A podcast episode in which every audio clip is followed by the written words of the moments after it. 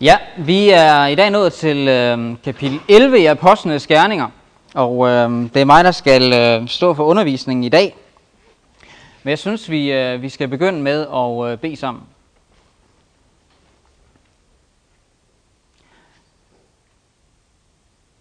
Jeg kære Gud, vi vil godt lovprise dig, fordi du er stor.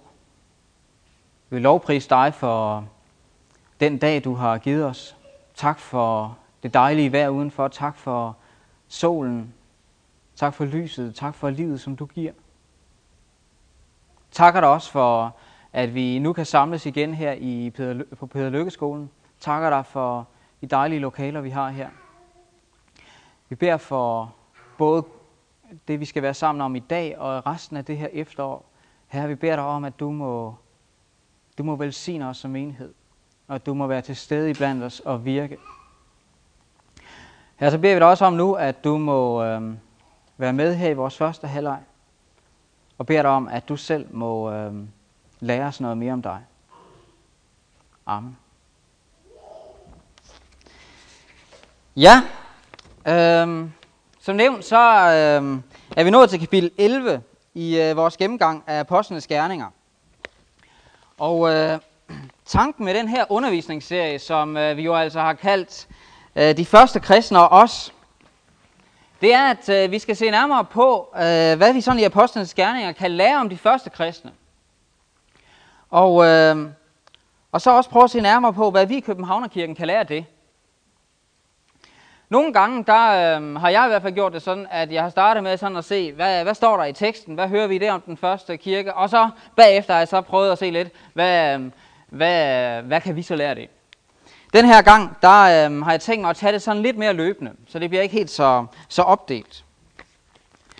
Men øh, nu er det jo ved at være et godt stykke tid siden faktisk, at vi sidst har, har været samlet øh, og har fat i apostlenes gerninger.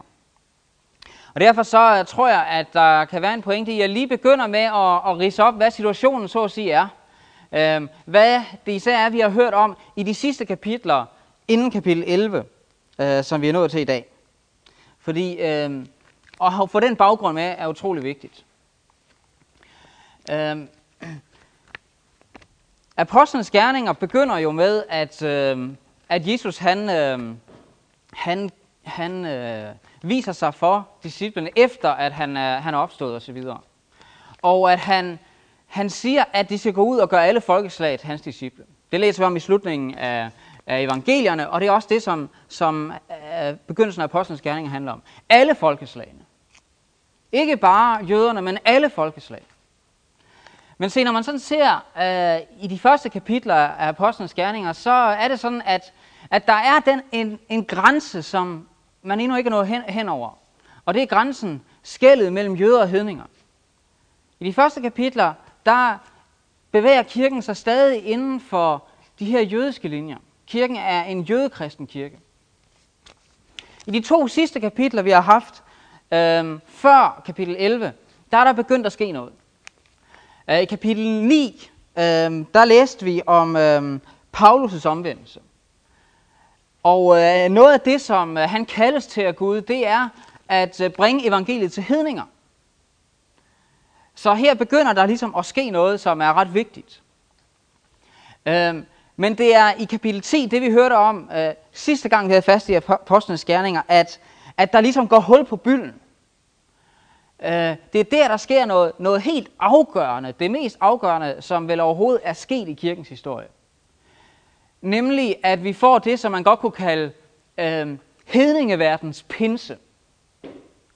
At, at Gud giver sin ånd, øh, altså at evangeliet forkyndes for hedninger, og Gud giver sin helligånd, udgiver sin helligånd over uomskårende hedninger, som tager imod Jesus. Hedninger, som øh, ikke lader sig omskære og bliver jøder, men simpelthen ved tro på Jesus, modtager helgen og bliver døbt til at følge ham. Det er det afgørende nye, som, øh, som sker i kapitel 10, og som Søren han øh, underviste om, øh, før vi sådan gik på sommerferie. Og det er et utroligt vigtigt kapitel, øh, det her kapitel 10. At helligånden gives til hedninger. Og øh, vi nu begynder at få en kirke, som ikke bare består af jøder, men som øh, er en kirke, der, der efter Guds plan når ud til alle folkeslag. Og i virkeligheden på grund af kapitel 10, øh, så er vi også samlet her i dag. Øh, vi, som øh, ikke er, er fødte jøder. Vi kan sidde her, uden at have lavet os omskære, øh, uden at øh, have, have have begyndt at overholde hele Moseloven, men bare ved tro på Jesus Kristus, så er vi frelst. Det er baggrunden for øh, og situationen, da vi kommer til kapitel 11, og øh, det er så det, vi skal se på i dag. Øh, vi skal begynde med her at se på øh, det første afsnit, Peters redegørelse i Jerusalem. Øhm, og det er vers 1-18, vi skal se på først. Det er jo sådan, at øh, i kapitel 10, der har vi hørt om det her, det er sket.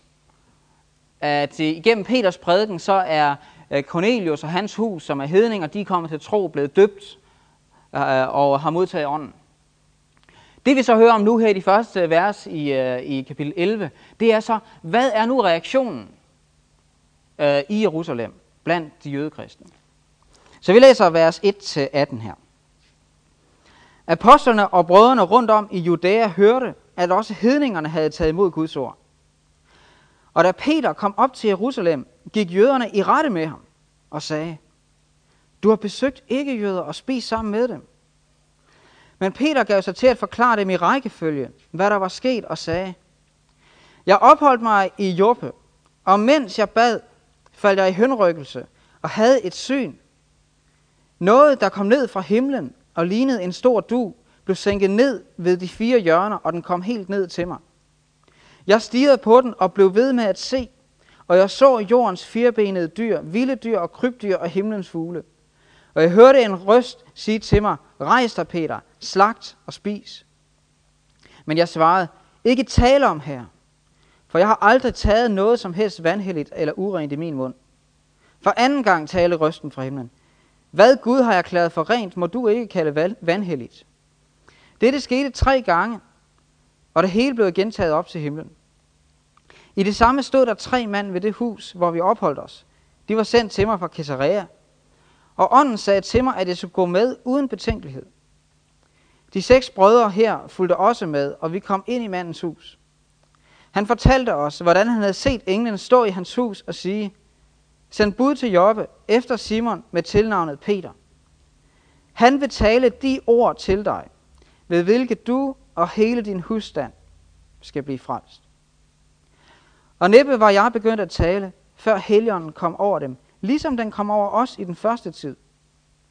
Da mindedes jeg herrens, herrens ord, at han havde sagt, Johannes støtte med vand, men I skal døbes med helligånden.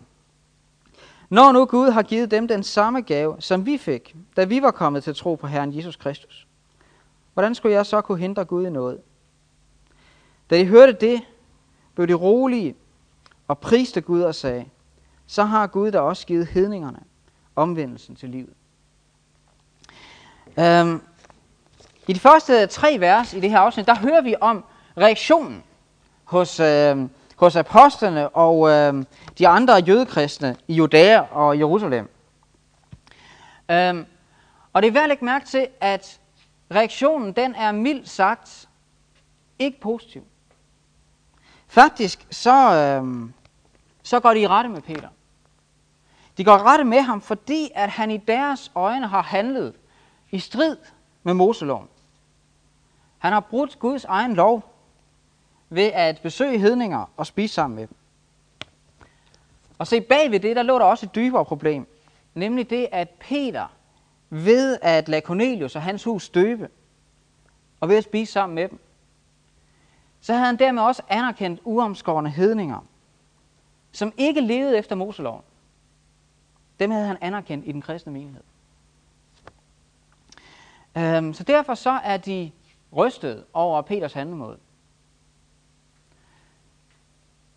Det ser ud til, at øh, de her mennesker indtil da endnu ikke helt havde fattet de, de fulde implikationer af, hvad evangeliet det egentlig handler om. Der var noget, som, som selvom ånden lærer også apostlene alt her i den første tid, kun langsomt for alvor går op for dem. Og noget af det, som, som der tager tid her i den første kirke, det er helt at finde ud af, hvad betyder det, Jesus han har gjort? Hvad betyder det for vores forhold til Moseloven osv.? Øhm, og i vers 4-17, der svarer Peter så på det her. Og det, som han understreger, det er, at øhm, ja, for det første er det værd at lægge mærke til, at det, det her er tredje gang, at øh, den her hændelse, den fortælles inden for to kapitler. For tredje gang, der vælger Lukas faktisk at genfortælle ret detaljeret, hvad det er, der er sket. Det siger noget om, hvor vigtigt det her er for ham. Det, der er kun en anden begivenhed, vi får at vide tre gange i apostlenes gerning, og det er Paulus' omvendelse. De to ting, de er af utrolig stor vigtighed for ham. Øhm, og så fortæller Peter så om sit syn. Han fortæller om øh, englens budskab til Cornelius. Han fortæller om sin prædiken, om udgivelsen af ånden over de her hedninger. Og det, som er så vigtigt for ham at understrege, det er, at han selv havde svært ved at forstå det her. Men det var noget, Gud havde åbenbaret for ham igennem ånden. At han havde handlet under Guds ledelse. At det var Gud selv, der havde vist ham, øh, givet ham den her indsigt øh, i forhold til hedningerne. Og det afgørende argument, han nævner i det afsnit, for øh, det, der er sket, øh, og for at han har anerkendt de her hedninger som en del af menigheden, det er det, han siger nede i, øh, i vers 17. Når nu Gud har givet dem, det vil sige dem som hedninger, den samme gave, som vi jøder fik, nemlig Helligåndens gave, da vi var kommet til tro på Jesus, hvordan skulle jeg så kunne hindre Gud i noget? Helligåndens gave til hedningerne, det var for Peter det uimodsigelige tegn på, at Gud havde anerkendt de her hedninger. Havde anerkendt dem som sine børn på lige fod med de jødekristne. Uden omskærelse, uden pålæggelse af Moseloven. At de blev frelst alene ved tro på Jesus.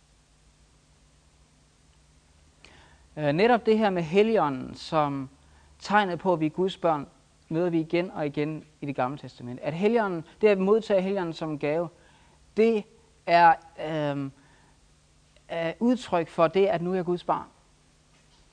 Helligånden er, er barnekort sådan. Paulus han siger sådan, at fordi vi er børn, har Gud sendt sin ånd i vores hjerter, og den råber Abba, far. Det er, det er ånden, der lærer os at sige far til Gud.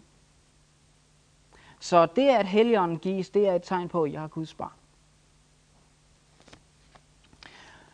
Og det var det, som øh, Gud ville understrege, da han udgød ånden over hedningerne. Det var, at nu skulle vejen åbnes for alle de andre folkeslag. Ikke kun for, for, for Israels folk, men for alle mennesker. Der skulle være fællesskab mellem Gud og dem. Øhm.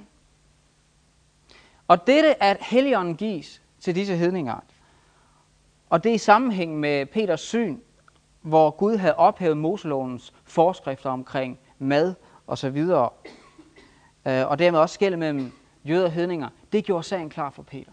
Og det var ud fra det, han havde handlet. Og det er dejligt at læse om i vers 18, at øh, da Peter redegør for det her, fortæller om, hvordan Gud han har åbenbaret de her ting for ham, hvordan han har skænket ånden til de her hedninger, så øh, bliver de glade. Står det i vers 18. Da de hørte det, blev de rolige og priste Gud og sagde, så har Gud da også givet hedningerne omvendelsen til, til livet. Det ender altså i en fælles lovprisning af Gud, for at han også har lavet hedningerne fordele i evangeliet nu. Og så den store hovedpointe i øh, de her to kapitler, kapitel 10 og 11, det er det, at jøder og hedninger frelses på samme måde. Frelses ved tro på Jesus Kristus alene. Punktum. At vi som er hedninger, vi skal ikke blive jøder for at være ægte troende. Det er hovedpointen. Og det er noget, som øh, vi måske synes er selvfølgeligt i dag, men det var ikke selvfølgeligt på den her tid. Det var noget af det, som var virkelig svært at få fat i i den første kirke. Og så kan man sige, hvad, hvad kan vi bruge det til? Der er vel ikke nogen af os, der vil sige, ja, det er ikke nok at tro på Jesus, man skal også omskære sig og overholde Moseloven. Nej, det er rigtigt. Det er nok ikke det, der er vores fristelse, men alligevel tror jeg, at vi ofte kommer i tvivl om, er det nok, at jeg tror på Jesus som min frelser til, at jeg kan blive frelst? Er det nok, at jeg sætter min lid til ham? Er det nok, også når jeg oplever, at jeg ikke kan leve op til, hvad Guds lov kræver? Er det nok, når jeg oplever syndens magt i mit liv? Er troen på Jesus alene, er det nok til frelse? Og det er det, som er hovedpointen i det her dybest set. Og det, som er budskabet også til os. At det, Jesus gjorde, da han døde på korset, det var, at han tog lovens dom i stedet for os. Og vi frelses alene ved troen på ham og det, han har gjort for os, og intet andet. Og det betyder også, at vi må anerkende hinanden som kristne søstre og brødre, uanset hvor forskellige vi end er, når blot vi har det ene til fælles, troen på Jesus. Og vi må tage imod andre i vores menighed, uanset hvordan de ser ud, uanset hvordan de lugter, osv. Når de har troen på Jesus, så må vi regne dem som kristne søstre og brødre. Øhm, den her sag, den dukker sådan op igen og igen i, øh, i de kommende år i den første kirke. Og, øhm, øhm, og er noget, der, der virkelig må kæmpes for. Den, der kommer til at kæmpe allermest for det, det er Paulus. Det skal jeg ikke gå så meget ind på nu. Men jeg kunne godt tænke mig lige at læse nogle få vers i de følgende kapitler, som vi støder på i nogle af de følgende kapitler, som er med til at understrege det her med, at vi frelses. Ikke ved vores gerninger, ikke ved loven, men ved Jesus alene. Og det betyder altså også, at vi frelses ikke ved tro på Jesus og ved loven. Eller ved tro på Jesus og vores gerninger. Nej, vi frelses ved nåden af Jesus alene. Ved troen på ham alene.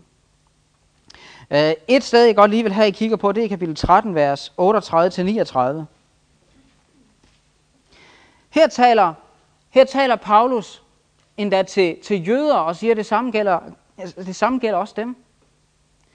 Det, øh, det er side 1002, øh, kapitel 13, vers 38-39. Det skal I altså vide, brødre, at det er ved ham, der forkyndes jeres syndsforladelse. Og i alt det, hvor I ikke kunne gøres retfærdige ved Moseloven, bliver enhver, der tror, gjort retfærdig ved ham. I alt det, hvor vi ikke kan gøres retfærdige ved Guds lov.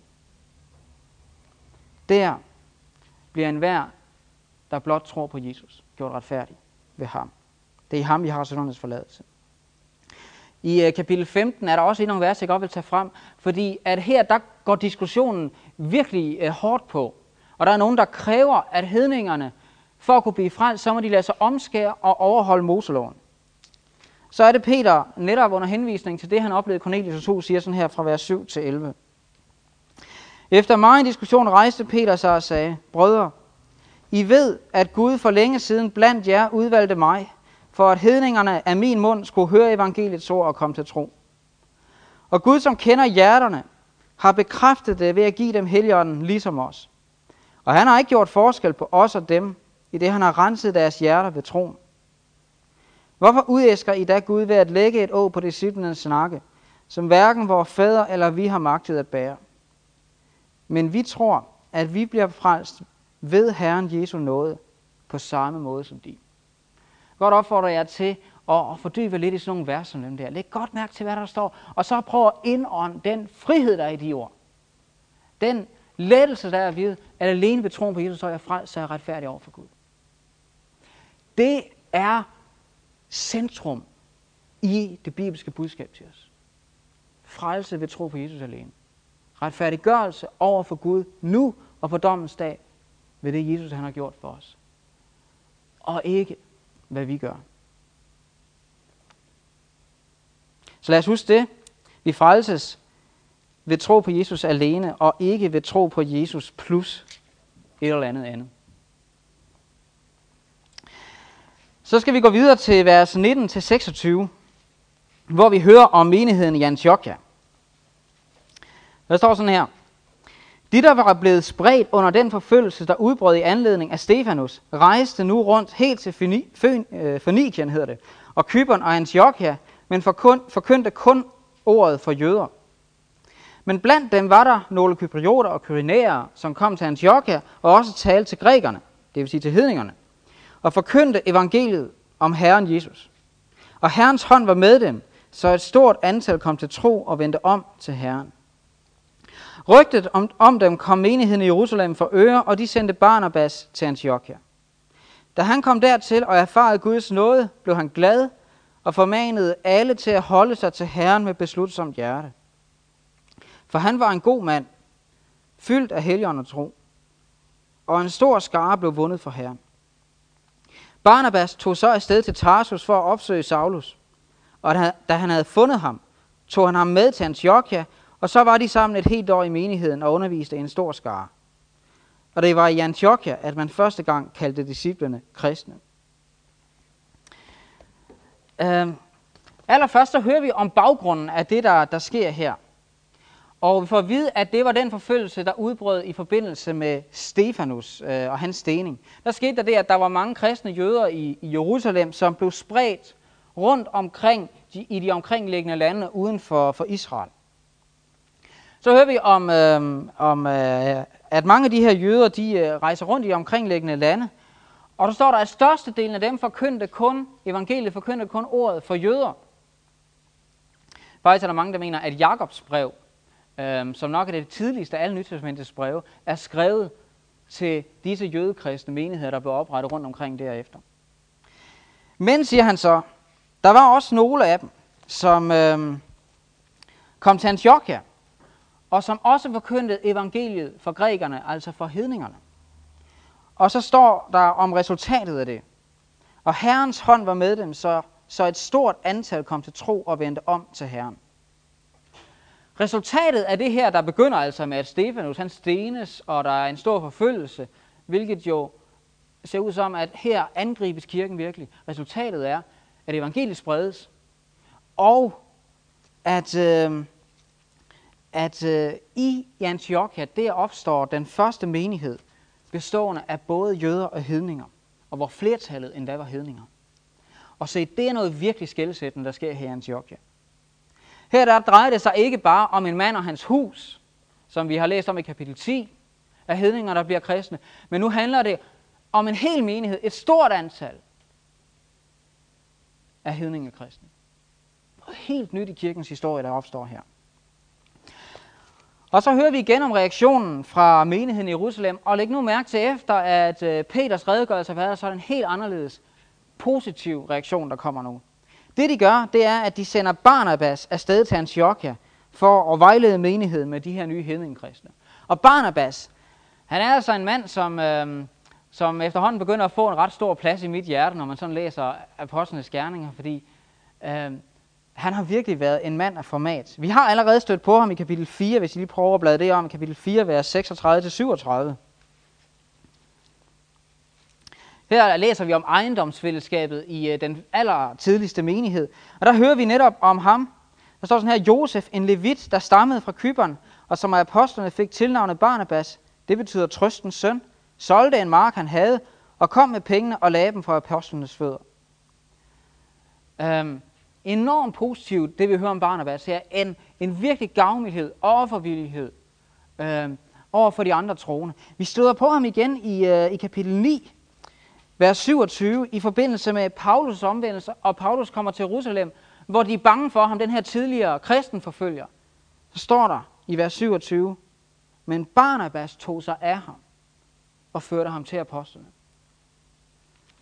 Han er virkelig en mand, som får mange, mange positive ord med sig på vejen øh, her i apostlenes gerninger. Og ham vælger menigheden i Jerusalem altså at sende afsted til Antiochia. Og øh, det var et klogt valg. Fordi Barnabas, han var virkelig en mand med den rette åndsudrustning til den her tjeneste. Som der står i vers 26, han var en god mand, fyldt af helgen og tro.